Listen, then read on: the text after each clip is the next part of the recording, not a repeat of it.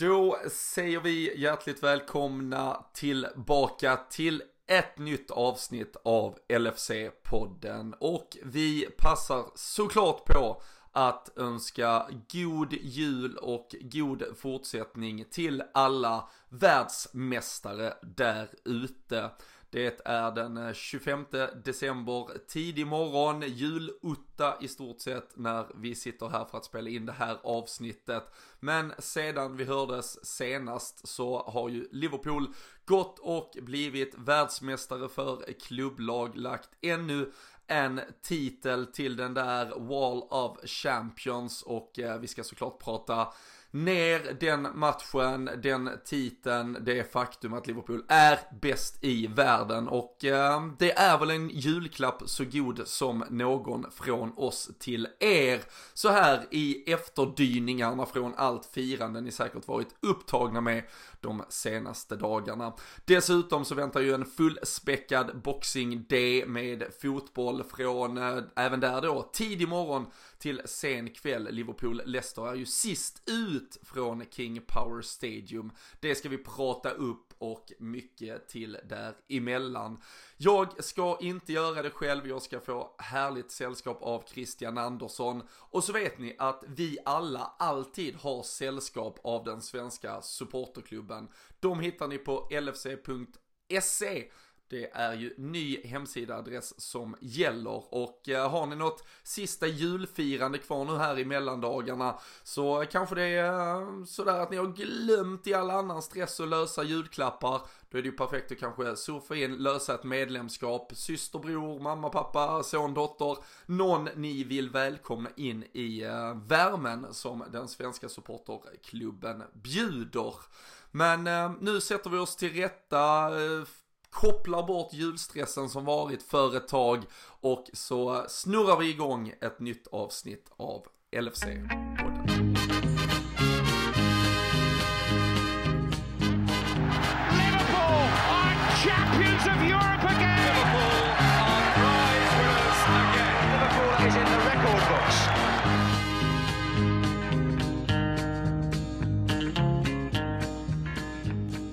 Jajamensan, det är, eh, är det eh, den 25 det är julutta egentligen Christian? Jag kan inte sånt här men eh, det jag vet är att det är tidig morgon den 25 och det får räcka så här långt tycker jag.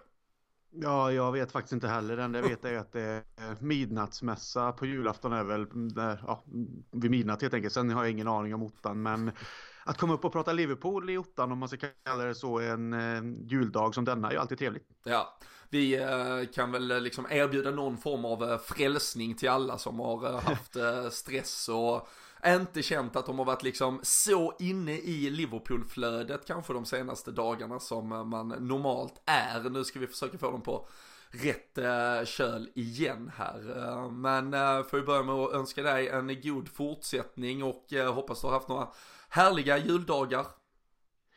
Ja, det har varit eh, lugnt och fint. Eh, som sagt, vi har firat hemma i Norrköping, jag och sambon bara. Vi väntar ju tillökning i början av det nya året så att eh, det är väldigt lugnt och härligt att bara slippa stress och måsten egentligen. Även om man såklart tycker det är underbart att fira med familj och, vänner så har det faktiskt varit skönt att bara sitta lugnt och njuta av mat och tv och lite godsaker och så. Så önskar jag också dig en god fortsättning såklart och alla andra där ute, alla röda supportrar.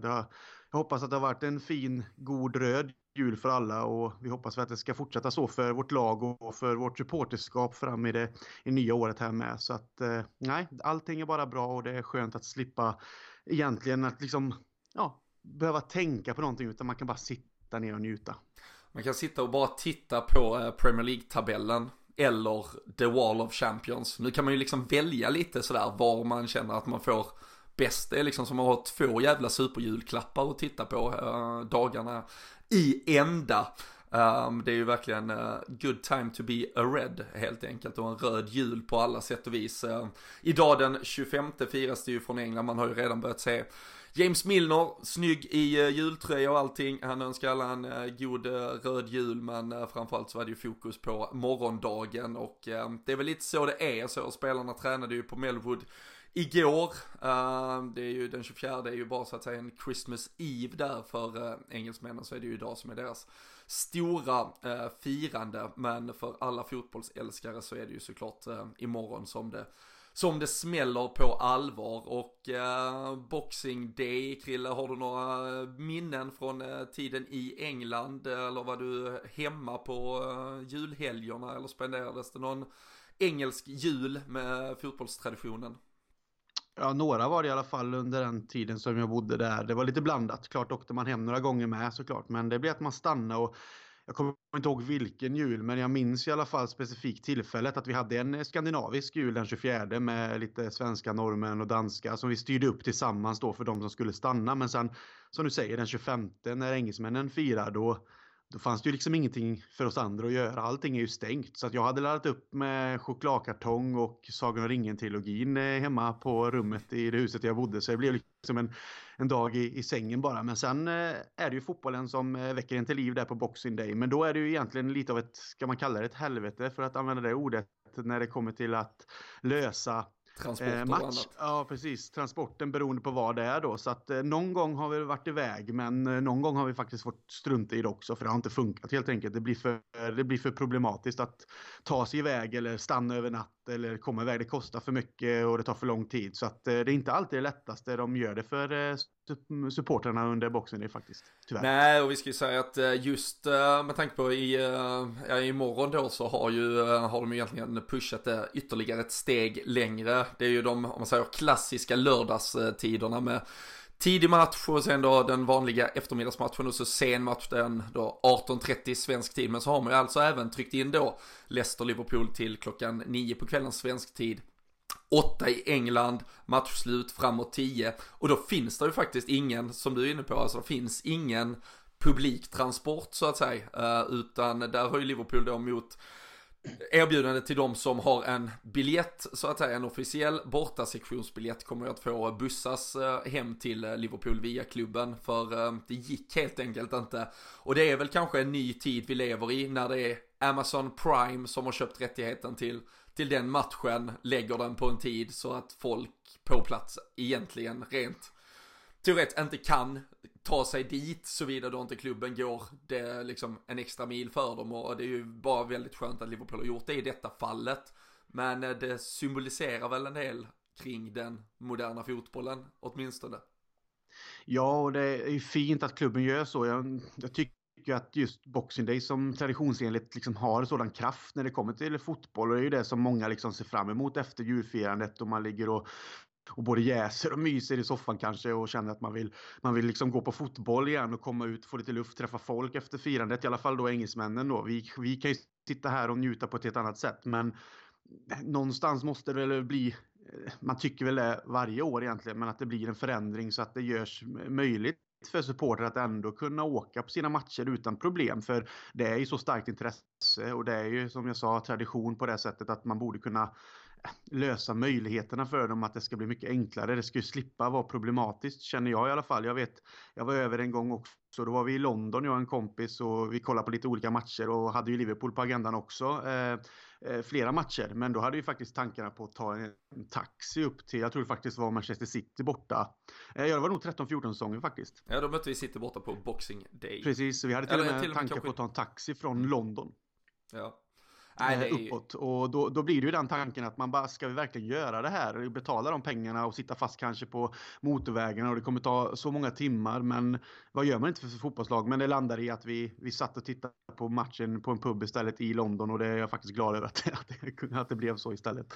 Ja, jag vet att vi hade eh, poddens eh, orakel, Daniel Forsell var på plats på den matchen, men han kunde inte ja, rädda oss från förlusten. Vi hade väl tror vi hade både Chelsea och eh, City i mellandagarna där. Det var eh, ganska eh, tufft schema. Sen vet jag, jag var över på nyårsdagen tror jag. Vi, då hade vi det lättare, då mötte vi Hall eller något annat bonkigäng. bonkegäng. Men Nej, denna mellandagsperiod inleds för Liverpools del med Leicester borta som sagt imorgon. Och sen så är det ju hemmamatcher då på vardera sida eh, nyårsfirandet mot eh, Wolverhampton och eh, Sheffield United. Och eh, det är väl kanske två matcher som verkligen förväntas vinnas men eh, imorgon är det ju såklart en eh, smällkaramell utan dess like, för tittar vi på tabellen så är det ju ettan mot tvåan. Och eh, vi ska såklart prata upp allt eh, med förutsättningar kring den matchen, läget i tabellen och det som eventuellt förändrades eller hur den formades medan vi var i Qatar och spelade. Där vet vi att Manchester City mötte Leicester i eh, ett toppmöte på Etihad.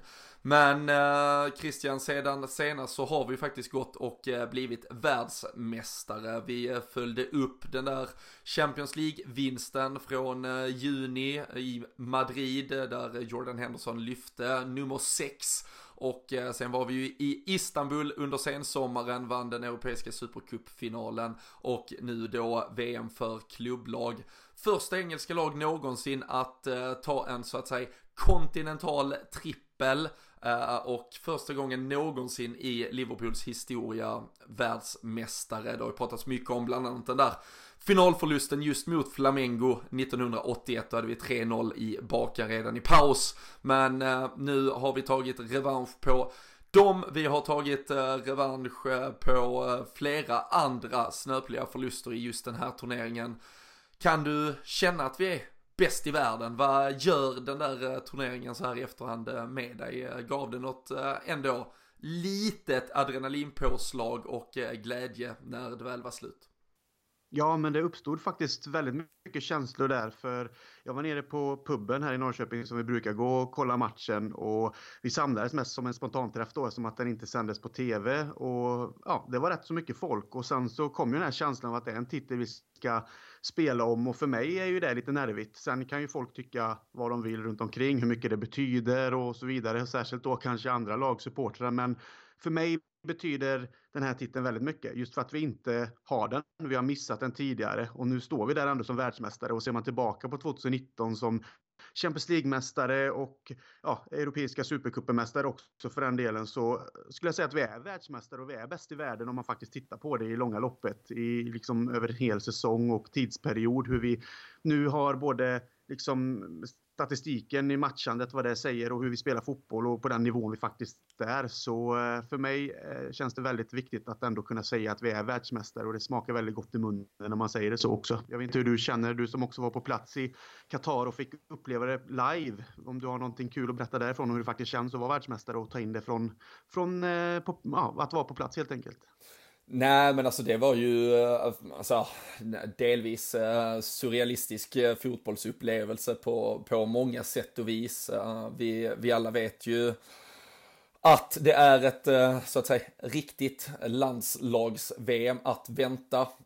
hade Daniel Forsell suttit bredvid mig nu hade han ju sagt att detta var det riktiga VMet och att det är ett låtsas-VM som väntar. Men, och det ska spelas om tre år, uh, ganska exakt. Uh, och uh, det kommer ju vara alltså det som byggs upp eh, för detta och alltså när man pratade med taxichaufförer om hur, alltså det är, det är liksom städer som inte finns idag i stort sett som ska byggas upp för detta och hur infrastruktur och allt som kommer göras och arenor som kommer byggas för att sen kunna i stort sett borttransporteras. Alltså det finns ju ingen, finns ju såklart ingen grund för att kunna bedriva ett, eh, alltså ett, ett, ett, behålla den fullskaligheten på en fotbollsutbyggnad eh, på, på den lilla yta som, som det är. Som VM sen kommer kräva. Men uh, även här och nu så fick man ju en försmak på ungefär säkert hur det, det kommer att vara. Det är ju en otroligt speciell miljö att befinna sig i. Ehm, för det första ehm, som fotbollssupporter, eh, om man liksom eh, paketerar ner det till, till de små aspekterna som påverkar en i det direkta så är det ju liksom bara att få tag på en öl är ju i stort sett omöjligt. Um, nu hade de ju byggt upp en, en fanpark så att säga där de försökte väl ändå dra dit en del folk men det var ju ah, lite väl kanske jippoaktigt. Liverpool hade lite så här sina dedikerade tider då det spelades, alltså då det var Jamie Webster och Kieran Molyneux och lite Boss Knight-gäng och sådär. Och det är klart de fick dit lite folk då som eh, öste på. Där försökte de väl hålla lite mer humana priser. Man kunde få tag på en öl och det var ungefär halva priset mot om du var nere på hotellbarerna. Uh, eh, och det betyder att där var det typ 70 kronor för en öl. På hotellen var det en 33 för 140 spänn ungefär. Och um, det var ju annars på hotellen man fick befinna sig och det var ju ganska svårt att liksom bygga upp någon, någon större stämning. Eh, på hotellet vi bodde var det ju väldigt mycket Liverpool-supportrar så det är klart det var liksom ett, ja, man hörde att det var ett litet skaustugg bland folket. Men det var ju också man höll ju på att få en hjärtattack nästan när man såg scousers som drack eh, Fanta och Coca för att det var för, för dyrt att, att dricka öl. Men eh, de eh, fick ju anpassa sig och det var väl också det som Alltså samtidigt, de fick ju antagligen det mästerskapet och är det den här approachen de kommer att behålla fram till VM kommer de ju få samma, alltså samma utgång då egentligen. Alltså folk är ju inte berusade och det kan ju kanske vara så, så gott som något och, men det finns ju en stor del supporterkultur som kanske går förlorad. Däremot så äh, tyckte jag nog med Flamengo att äh, där fanns en annan, äh, ja men alltså ett, ett sätt eller ett liksom ett, en chans, eller ett, hur de hanterade hela upplägget och kanske att det finns lite mer, alltså inte liknelse i övrigt, men att det var lite mer anpassat för hur de kanske normalt liksom, om man säger konsumerar sin fotboll även på plats, eh, alltså väldigt eh, familjevän, väldigt många supportrar som kom i hela familjer. Eh, de var ju för det första väldigt, väldigt många på plats. Jag tyckte också att deras, alltså från klubbens sida med Flamengo så hade man ju tagit detta kanske på lite mer allvar. Eh, de eh, är ju liksom, de tycker ju att det här med VM för klubblag är otroligt stort. Det är ju deras chans att liksom sätta sig överst på tronen. Ehm, alla europeiska klubbar menar ju alltid att har du vunnit Champions League, då är du bäst i världen. De eh, sydamerikanska klubbarna tar ju faktiskt VM för klubblag för vad det faktiskt är att, nej du, här samlar vi ju faktiskt de bästa från varje kontinent och så gör vi upp och den som vinner där det är den som är bäst. Det är liksom inget självutnämnt att Champions League-vinnaren ska vara störst. Eh, så de kom ju hit i, för det första, enorma mängder. Eh, pratades på plats om allt från mellan 10 och 20. Jag skulle säga att där någonstans emellan på kanske en 15 000 var nog vad de var. Och då pratar vi verkligen inchartrade eh, stöd av klubben i stora mängder för att verkligen få till det på ett bra och smidigt sätt för dem. Och alltså verkligen då Rio-bor som kom dit och har en jävligt härlig och liksom jag tycker att eh, i dagens, kanske i fotbollen så pratas det mycket om liksom folk är, man är en julgran eller en full kit för att man tar på sig matchtröjan. Det ska vara så otroligt anpassat till den engelska häftiga casual-kulturen. Italienarna och andra går ju absolut i bräschen för det med, med hur man ska bete sig, att det finns olika ja, sätt och eh, liksom beteenden som är, är det urtypiska för en fotbollssupporter. Men här var det verkligen, här är man stolt, man bär matchtröjan konstant egentligen. Och eh, det tyckte jag faktiskt bidrog eftersom det var ganska svårt att få kanske den här kult, alltså fotbollskulturen genom att springa runt på gator och torg och eh, se liksom eh, välfyllda restauranger där det skreks och hade sig så, så bidrog ändå Flamengo-fansen med sitt ja men sett och att de kom i stora grupper och det var tydligt med matchtröjor och så vidare så det är alltså en speciell och surrealistisk upplevelse på många sätt och vis och det var ju svårt att kanske hitta sin vanliga så här en matchdagsrutin och eh, det var speciellt att kanske se folk som normalt står åtta timmar på The Park och skrålar och häller i sig bira att nu sitta och sola sin eh, kala gässa, bli eh, alldeles rödbrända och dricka Fanta. Eh, men ja, jag vet inte, ska man behöva gilla det Krille eller vad tycker du så här utifrån sett kring upplägget och tar det bort någonting av det som ändå titeln i sig betyder för klubben och för oss fans? Nej, det tar ju inte bort någonting vad gäller titeln. Den känns ju väldigt viktig att ändå ha fått tagit nu och liksom addera då till prisskåpet. Eh, sen att man kanske inte vill behöva spela den här typen av matcher med det här upplägget allt för ofta. För jag kan ju bara gå till mig själv när vi pratar fotbollskultur och rutiner och, och just hur man vill ha en matchdag. Där är jag väldigt kanske både gammaldags men också lite nostalgisk på det sättet att jag vill kunna känna det här att man i alla fall om man går tillbaka till de åren där jag bodde i England, liksom att man då kanske går på, sätter sig på tåget, man tar sin första öl, man snackar med kompisarna, man kommer fram till Liverpool, man tar sig till puben och möter upp med, med andra vänner och det är det här sorglet och man känner att det ligger fotboll i luften och sen tar man sig vidare framåt till arenan och till slut är det kick-off och då gör man egentligen det varenda gång man är på plats och det, det, för mig hör det till och jag tror att de flesta andra supportrar, även de här i, i Sverige som har varit över flertal gånger. Liksom att det är väl den känslan man kanske vill ha och man märker att det är så de lever i England och i stort sett kanske i,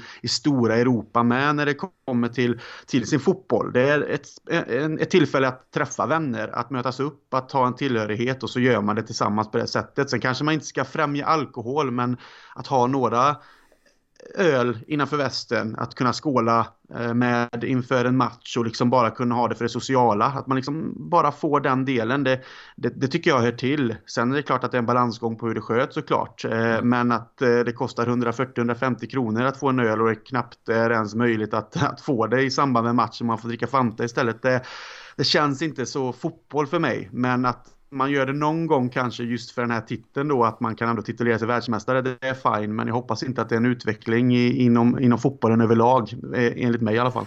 Nej, och sen jag tror, jag tror också på samma sätt, alltså jag tror fansen eh, från då framförallt, alltså Liverpool-delen tog tog matchen lite för, alltså det är ju samma sak, alltså de, eh, det pratas ju ofta i supporterkretsar om liksom We see things you'll never see, alltså liksom att Liverpool, vi har varit ute och sett Europa, eh, sett världen, alltså det är också ett, eh, det var väl lite ett långfinger hem till eh, supportrar för andra lag liksom att här ligger vi två dagar före julafton i stort sett och, och solar och badar och ska vinna VM för klubblag liksom och jag tror att de flesta fans alltså gjorde det ja, men till, vad, till vad det kunde vara. Det fick vara liksom, det fick sticka i ögonen. Alltså jag tycker inte, man ska ju inte använda Qatar som skådeplats så, som det och som något positivt på att vi är här och var är ni andra. Men jag tror sammanhanget är ändå mål, alltså som man ändå kunde rama in det i att här ligger vi i värmen, gör oss redo för VM-final. Var är ni andra liksom? Ni andra spelar ett United som förlorar mot Watford på Vicarage Road 24 timmar senare eller ja, knappt mindre än det och sådär.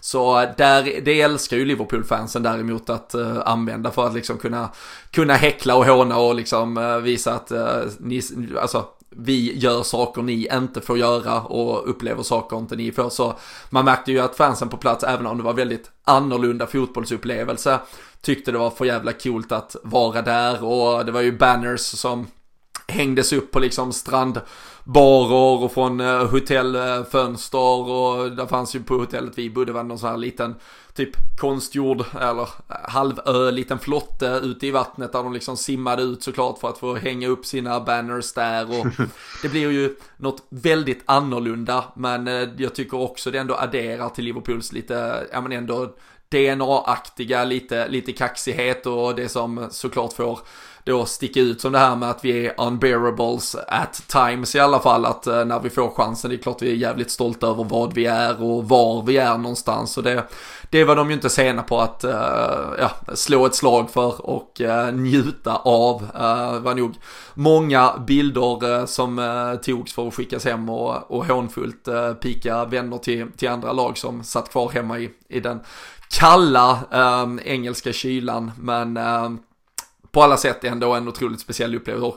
Det blir ju intressant att se om det till ett VM om tre år när det kanske på helt andra eh, mängder och volymer flödar in fans och låt säga liksom ett eh, 20 000-tal eh, engelska och ryska fans som ska mötas och så har de vars två Fanta innanför bröstet istället för 30 liter sprit. Eh, det, det, hade ju ändå varit ett socialt experiment så gott som eh, något. Men eh, huruvida detta formas, eh, eller hur det formas eh, framåt, det, det lär väl andra få återkomma till som sagt. Men en speciell upplevelse, men häftig upplevelse och eh, Flamengo-fansen som sagt tyckte jag bidrog till allra största grad och eh, jag vet inte men på arenan var det absolut de som stal showen mest. Var det så som gick igenom tv-rutan också, lät det som ett Flamengo med hemmaplan nere från Qatar.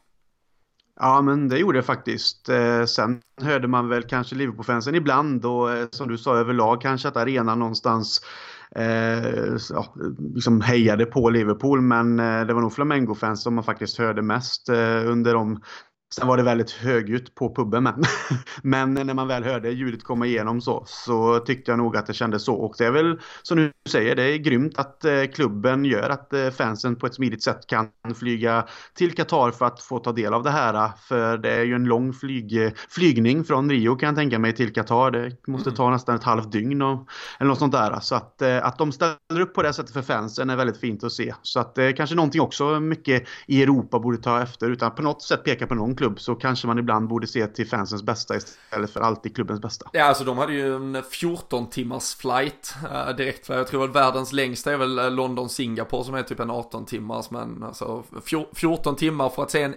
obetydlig fotbollsmatch då enligt uh, gemene man här hemma i fotbollssofforna. Det, det säger väl lite om uh, vad den här matchen för vissa uh, verkligen betyder och uh, då måste de ju såklart, även om de visste att de kunde ställa till och reprisera den där matchen från 81 så var det ju klart att Liverpool var stora favoriter på förhand så det skulle ju till ett, eh, ett halvt mirakel kanske. Även om de eh, gör det riktigt, riktigt bra sen när eh, matchen sparkar igång. Och till stundo kanske även får lite hjälp av den katariske domartrion och framförallt huvuddomaren uh, eh, på plats. Man såg aldrig repriserna så man kunde ju alltid tycka att saker och ting var tveksamt hit och dit. Uh, fick ni en, en tidig bild av att domaren var lite halvtappad eller var det först vid uh, den där Sadio Mané situationen det briserade? för liksom, det låg lite i luften att han var kass när man såg det live, men man förstod kanske inte riktigt hur dålig han hade varit, insåg jag i efterhand. Nej, det byggdes ju upp sakta men säkert. Det var lite tveksamma beslut och väldigt, jag vet inte, han ville väl sätta sin prägel på matchen och någonstans visa att det var han som ja, liksom var domare i den här matchen och bestämde, men det kändes mer som att det blev fel, det blev fel från början och sen så kom det som sagt lite tveksamma beslut. Man kände vad, liksom, vad är det som sker? Och sen såklart så kom ju Hemman i situationen längre fram med och då mm, ursäkta språket, men man undrar vad i helvete han håller på med. Liksom. Det kändes som att han själv inte riktigt hade koll. Det kändes som att allting var väldigt snurrigt. Så att eh, nej, domarinsatsen eh, går ju inte hylla eh, här och nu efter efter, i efterhand heller. Liksom. Och, och, man kan vara kritisk mot domare i många fall och vi kan sitta och diskutera domare eller VAR eller insatser eller vad som helst. Liksom. Men någonstans har man väl kanske ändå en sund syn på att deras uppgift inte är så jäkla, eh, den, den liksom inte är så himla lätt och det är inte alltid så snällt mot dem heller från olika håll. Men eh, den här insatsen kommer ju inte gå till historieböckerna som någon som man kommer sitta sen och bara, ah, men det var inte så lätt utan här var det helt enkelt en väldigt kass domarinsats. Så att eh, vi får vi se om han dyker upp i, i VM som jag vet det skrevs på sociala medier. Ja men det är spikat. Men... Han dömer VM-finalen, det kan ja. jag lova dig. men det... det... känns som att han inte ens borde finnas på den här nivån och döma tycker jag. Nej alltså det är ju helt, alltså om, om nu Fifa vill försöka alltså marknadsföra detta som just världsmästerskapet och att det är liksom att detta då skulle vara den yttersta matchen eh, för världsfotbollen då, då kan du ju inte ta in, alltså Nej men det är ju som att något division 6-gäng skulle arrangera liksom någon uh, final i, i något uh, mästerskap och så tar man liksom sin lokala uh, pojkdomare för att liksom han har, han har kämpat på bra under ett halvår eller något och så ska han få det som Ja men beröm och pris alltså för det, nej det var ju, det var ju konstigt att se. Uh, för att, att han var uttagen överhuvudtaget. Alltså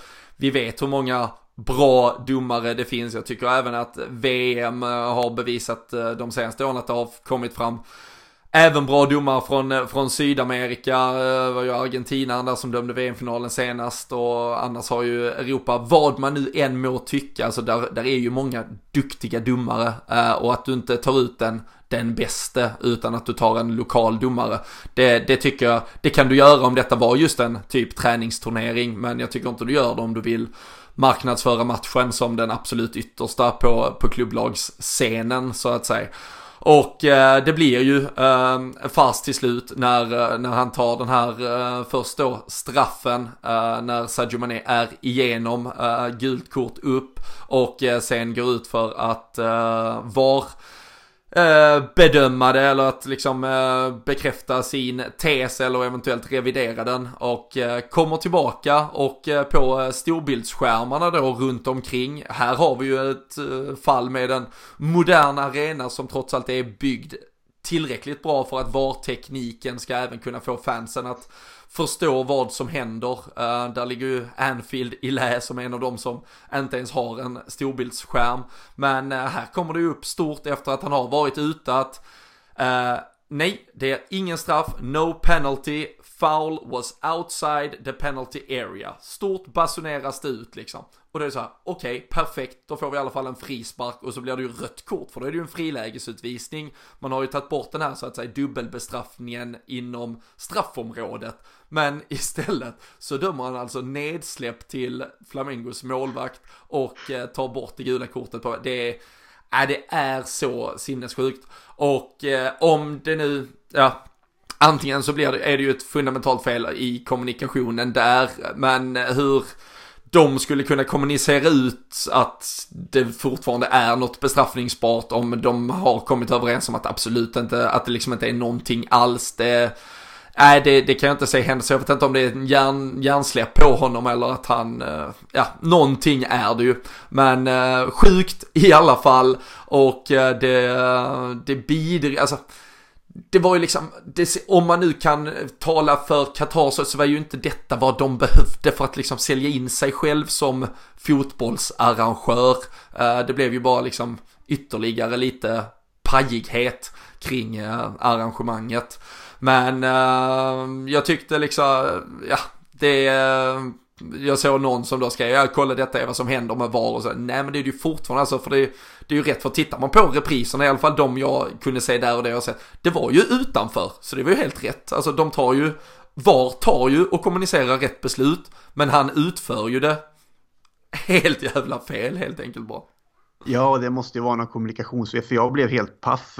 När det, man följer ändå sociala medier och är man ju inne och kollar när det sker de här äh, händelserna och de här situationerna så alltså läser man ju lite vad folk både på plats och liksom experter och sånt eh, sitter och tycker och tänker och ser och så vidare. Och, och då kommer ju också känslan när man såg repriserna själva, men det är utanför, precis som du säger, det är utanför straffområdet. Så att, att han använder VAR där och tar rätt beslut i det fallet, fine, det är inga problem. För man hade tyckt att det har liksom varit tvärtom så hade man varit jävligt glad för det om det varit emot Liverpool så att säga. Men sen då när man sitter och tänker ja, ja men då är det ju faktiskt en frispark och ett rött kort också som du nämner här för att det är en frilägesutvisning. För Mané rinner ju faktiskt igenom och blir liksom tacklad bakifrån.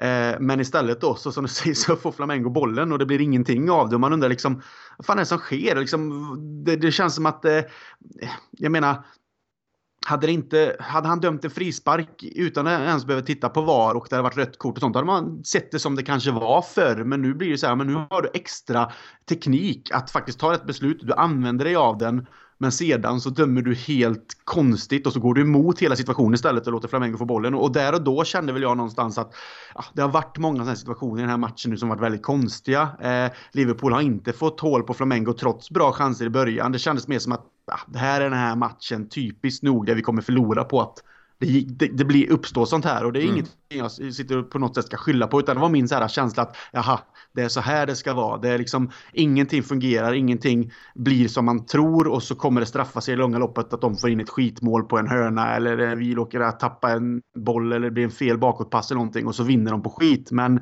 ja, som tur var så blev så inte fallet då. Nej, precis. Eh, för eh, på samma sätt som vi har blivit eh, mentality monsters så får man väl också säga att vi har blivit marginalmonster på alla sätt och vis. För även om det studsar mot oss några gånger, det var ju även läget när vi skjuter i stolpen, insida stolpe och sen typ millimeter utanför då andra stolpen när den i stort sett går längs förlängda mållinjen. Så, så har vi ändå marginalerna på vår sida till syvende och sist och eh, det var precis som i eh, semifinalen Roberto Firmino som fick eh, trycka dit eh, 1-0 målet. Vi har ju pratat mycket om att sydamerikanska lagen, spelare därifrån, eh, faktiskt ser den här turneringen som kanske då lite större än europeiska ditun. Och med mål i semifinalen när han blev inbytt och mål i finalen. Och en landsman i Alison Becker som spikade igen när det som mest behövdes. Så Eh, kanske den eh, tesen även eh, i Liverpool kan ha någorlunda bäring. Jag kan också konstatera att Firmino nu har gjort sex mål den här säsongen, varav fem har varit matchavgörande och det tycker jag också säger ännu mer om det här Liverpool-laget att detta året handlar det inte om att någon spelare måste göra 35 mål, eh, vinna skytteligor hit och dit. Alla behöver göra sina mål och man behöver göra sin beskärda del och man behöver göra det när laget behöver det. Uh, tycker också man kan se på en sån som Alison Becker eh, som eh, delvis liksom varit lite ifrågasatt kanske när han kom tillbaka från skada. Var han i, är han i full form? Är han verkligen liksom är han helt uh, i fas? Och liksom så, så, lite loj och trött ut kanske till och med. Men när det nu betyder som mest då är han som bäst. Han håller en nolla och precis som han gjorde när Champions League skulle avgöras så så var han där och stängde igen när det behövdes. Och eh, nej men alltså det, vi, vi vita visar ju att vi liksom vi har det som krävs när det behövs och eh, då är det inte många som kan stoppa oss Krille fast att eh, även domaren hjälper dem ibland.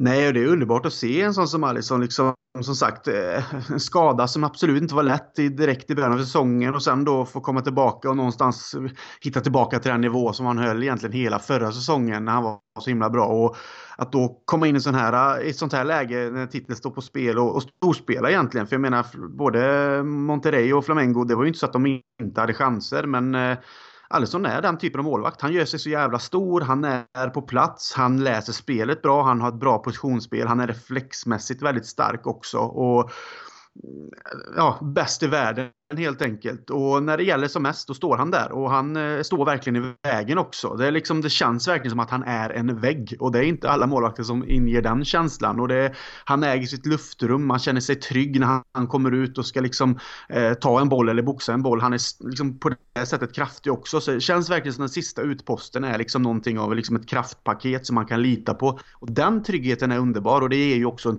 trygghet såklart för hela, hela laget från försvarslinjen och framåt när han, när han agerar agera på det sättet. Så att, eh, jag tror att det skapar ett stort lugn och jag tror att det kommer vara en positiv grej att återgå till nu som det var egentligen förra säsongen. Att vi kommer nog förhoppningsvis få se ett Liverpool som kanske spelar lite mer eh, försvarsmässigt stabilt när han förhoppningsvis håller den här formen. Det, det, det ger, den känslan smittar av sig även på mig. Jag, det känns som att hela, som sagt, försvarslinjen får en känsla att ja, men nu är Alisson tillbaka på det sättet vi är vana att se honom och det känns som att ett lugn då infinner sig.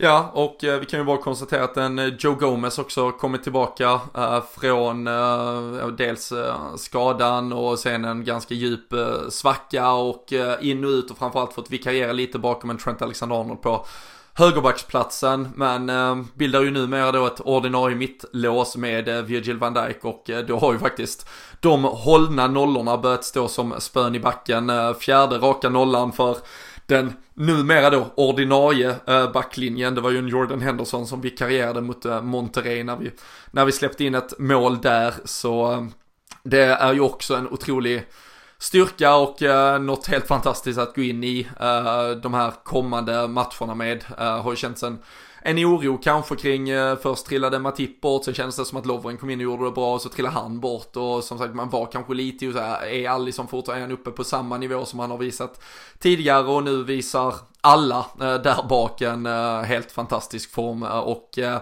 då kanske man ska konstatera att eh, det som det brukar låta är att klass är permanent och form är tillfälligt. Det här är en ett Liverpool och eh, ett försvar som håller absolut eh, högsta världsklass. Och när nu matcherna börjar ticka på och man börjar få lite eh, underlag att faktiskt bejaka så har vi också bäst försvar i uh, ligan med 14 insläppta mål och eh, uh, Allison som sagt nolla i den här finalen, han höll nolla i Champions League-finalen, han nollade borta mot Salzburg när vi var tvungna att inte förlora, han eh, nollade mot Napoli till exempel förra året i Champions League när vi inte fick släppa in mål, han nollade mot Barcelona på hemmaplan där ett mål hade varit förödande. Så nej, uh, ja, man kan bara berömma detta Liverpool-försvar uh, på samma sätt som vi egentligen vecka efter vecka sitter och hyllar vår offensiv. Och sen tycker jag när vi stänger ner den här matchen också Krilla att eh, kaptenen Jordan Henderson som springer någonstans där mittemellan och är exakt där Klopp vill att han ska vara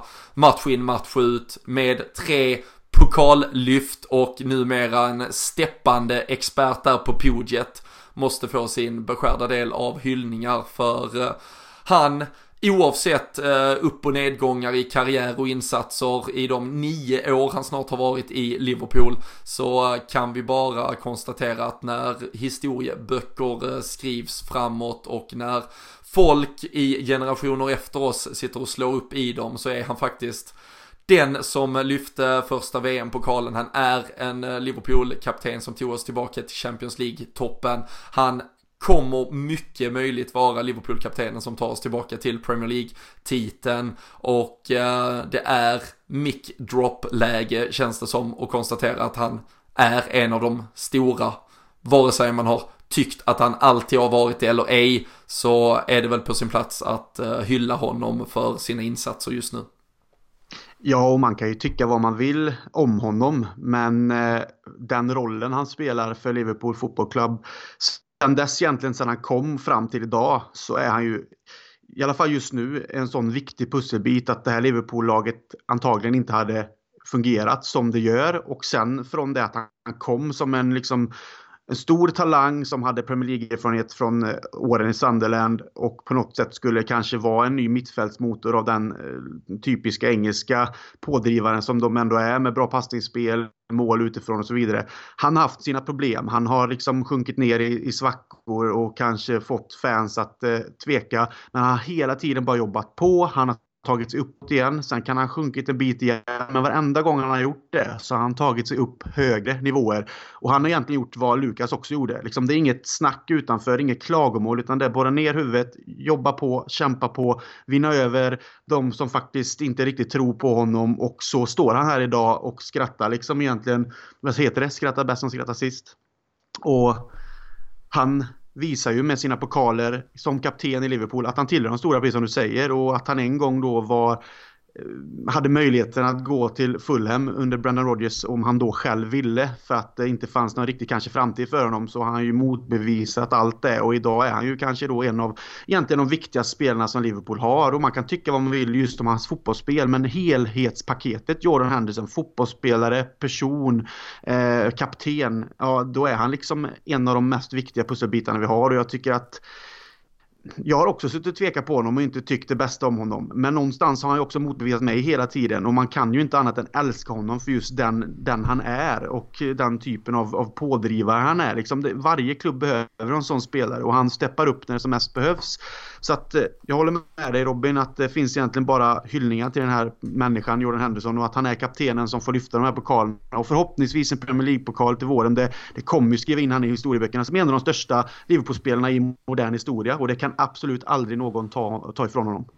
Nej, eh, verkligen och eh, som sagt, eh, man, eh, han har haft eh, verkligen ups and downs. Han har framförallt också fått anpassa sig till positioner han själv inte har trivts i alla gånger och eh, jag tycker det har varit med rätta man då liksom kunnat eh, kritisera eller ifrågasätta eller tycka liksom att han inte har presterat fotbollsmässigt på absolut högsta nivå. Men sättet han har eh, tagit sig igenom allting och eh, hela tiden borrat ner huvudet levererat och eh, här tycker jag i finalen mot Flamengo tycker jag att han är bäst på planen och jag tycker att han är det oftare än vad han varit förr och eh, som sagt i ett Liverpool som kanske är ett lag mer än någonsin för eh, det är som sagt inte någon spelare som sticker ut på det extrema vis som vi har sett under stunder. Då, då blir han en allt viktigare del av det där laget och lär vara det eh, för ett tag framöver och eh, det är fantastiskt att se och eh, ja, är det skrattar bäst som skrattar sist så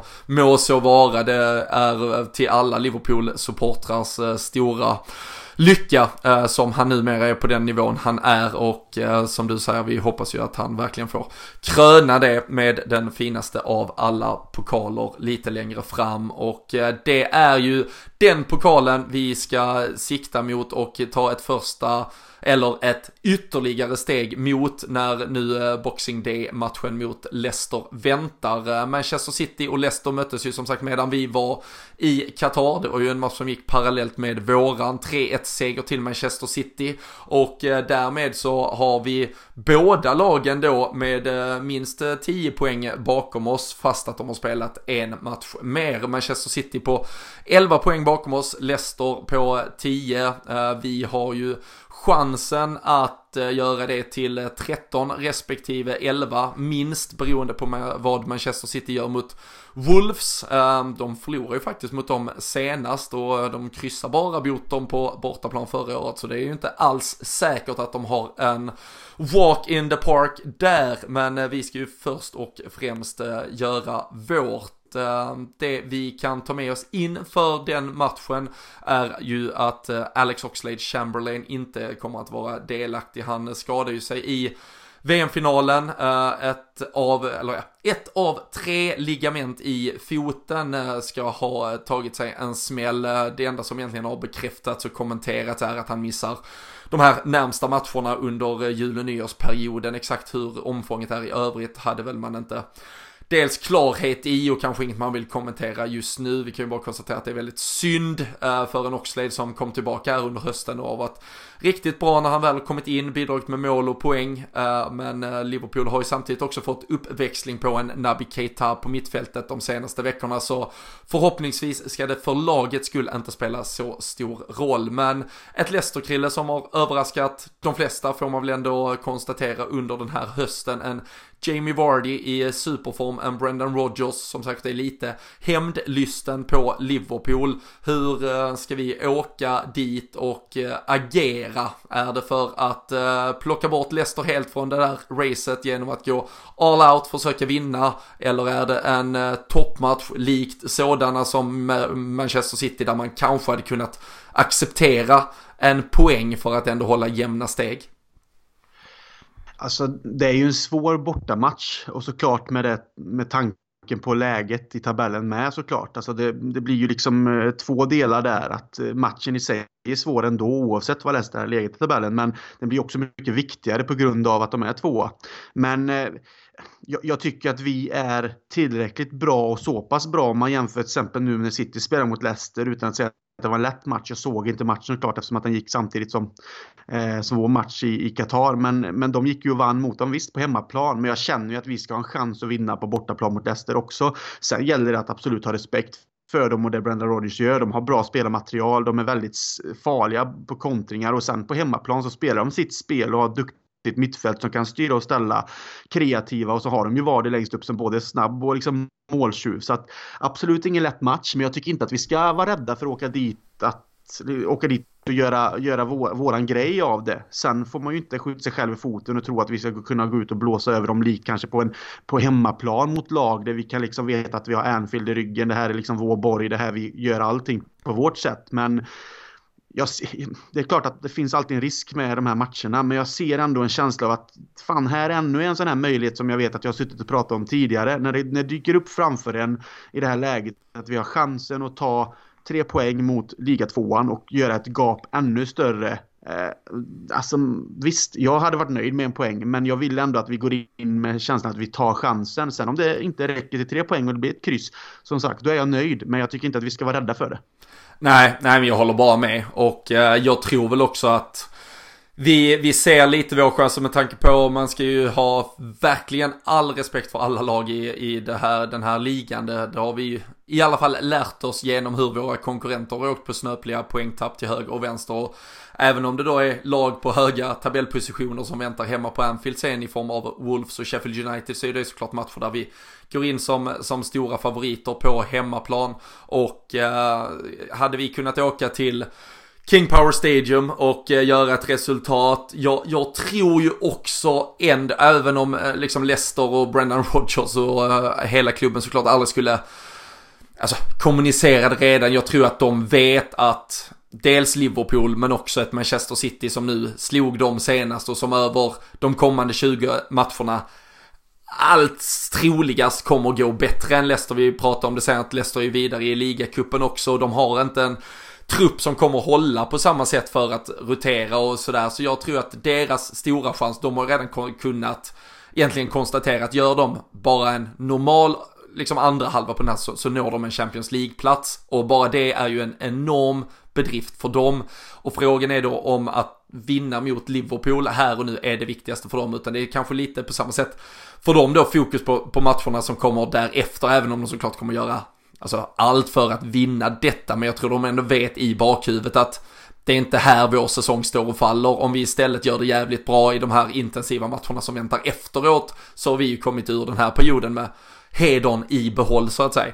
Och eh, Liverpool så tror jag att vi kommer åka dit med absolut bästa lag, det vill säga i stort sett det laget som spelade finalen eh, senast. Eh, Gini Wijnaldum förhoppningsvis redo att komma tillbaka in i startelvan och då ersätta Oxlade. Um, och sen så kommer vi säkert istället då göra lite rotationer i, i hemmamatcherna som väntar eh, kan jag tänka mig med två, tre spelare per match där. Och sen vet vi att en Minamino kommer in eh, till eh, nyårsskiftet och eh, i alla fall kommer vara klar för Everton i FA-cupen och där tror jag också att Klopp kommer att rotera fullständigt. Så, så liksom den här startelvan, ordinarie laget, det, det går ju all out för att faktiskt mygga av Leicester uh, once and for all här på, på kvällen imorgon och uh, sen så kommer vi kunna säkert göra lite justeringar därefter. Och jag tror också att vi kommer att kunna visa att vi är, vi är starkast. Vi är starkare än de här uh, lagen som ändå ligger där precis bakom oss men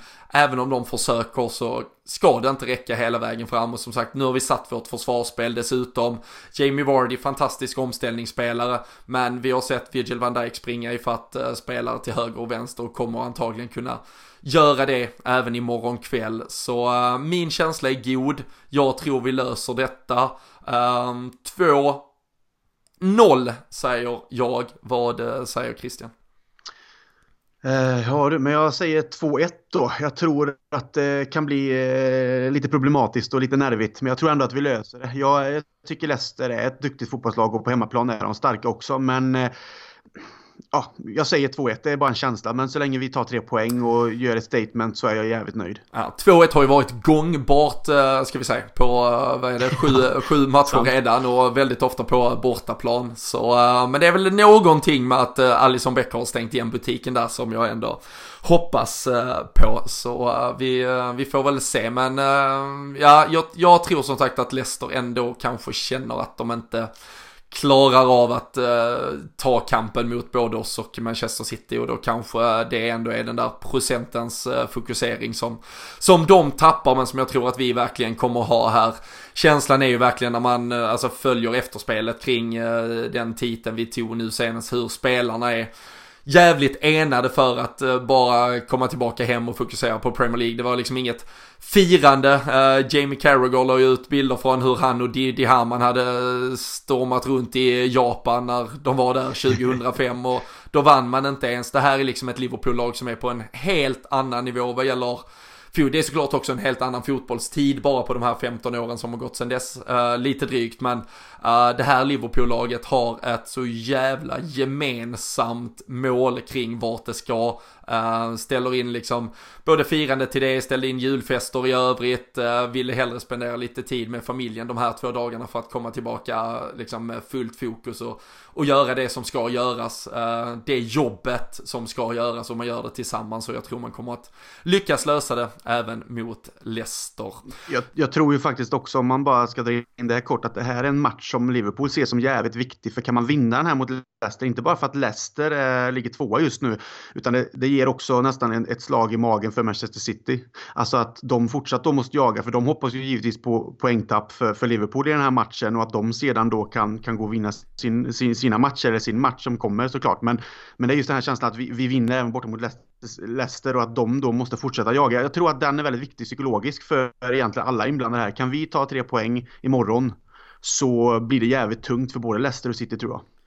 Ja, nej men absolut. Uh, och då har vi ju framförallt imorgon när vi har spelat igenom så har vi också då vår då har vi båda våra matcher mot Leicester som trots allt är liksom tvåa i Premier League-tabellen ur, ur världen. Och eh, vi pratade ju om det ganska tidigt på säsongen när, när vi kanske bara ledde med någon poäng att vi hade, då hade vi faktiskt gått igenom det tuffare spelschemat och så, så egentligen rent objektivt och när man tittar nyktert på det så skulle ju City kanske tappa några poäng nu under den här senare delen av första halvan och, och så blev ju också fall. Så ju fler sådana här på pappret i alla fall tuffa matcher vi kan lägga åt, åt sidan. Och som sagt så möter vi faktiskt även då lag 5 och 6 i tabellen så det är ytterligare matcher även på över halvan som vi ändå lägger bort hela tiden och eh, det, nej, det, det kommer ge oss chanserna att ha ett eh, stadigt grepp lite längre fram så länge vi gör eh, jobbet här och nu. Och det tror vi alltså att Liverpool kommer att göra.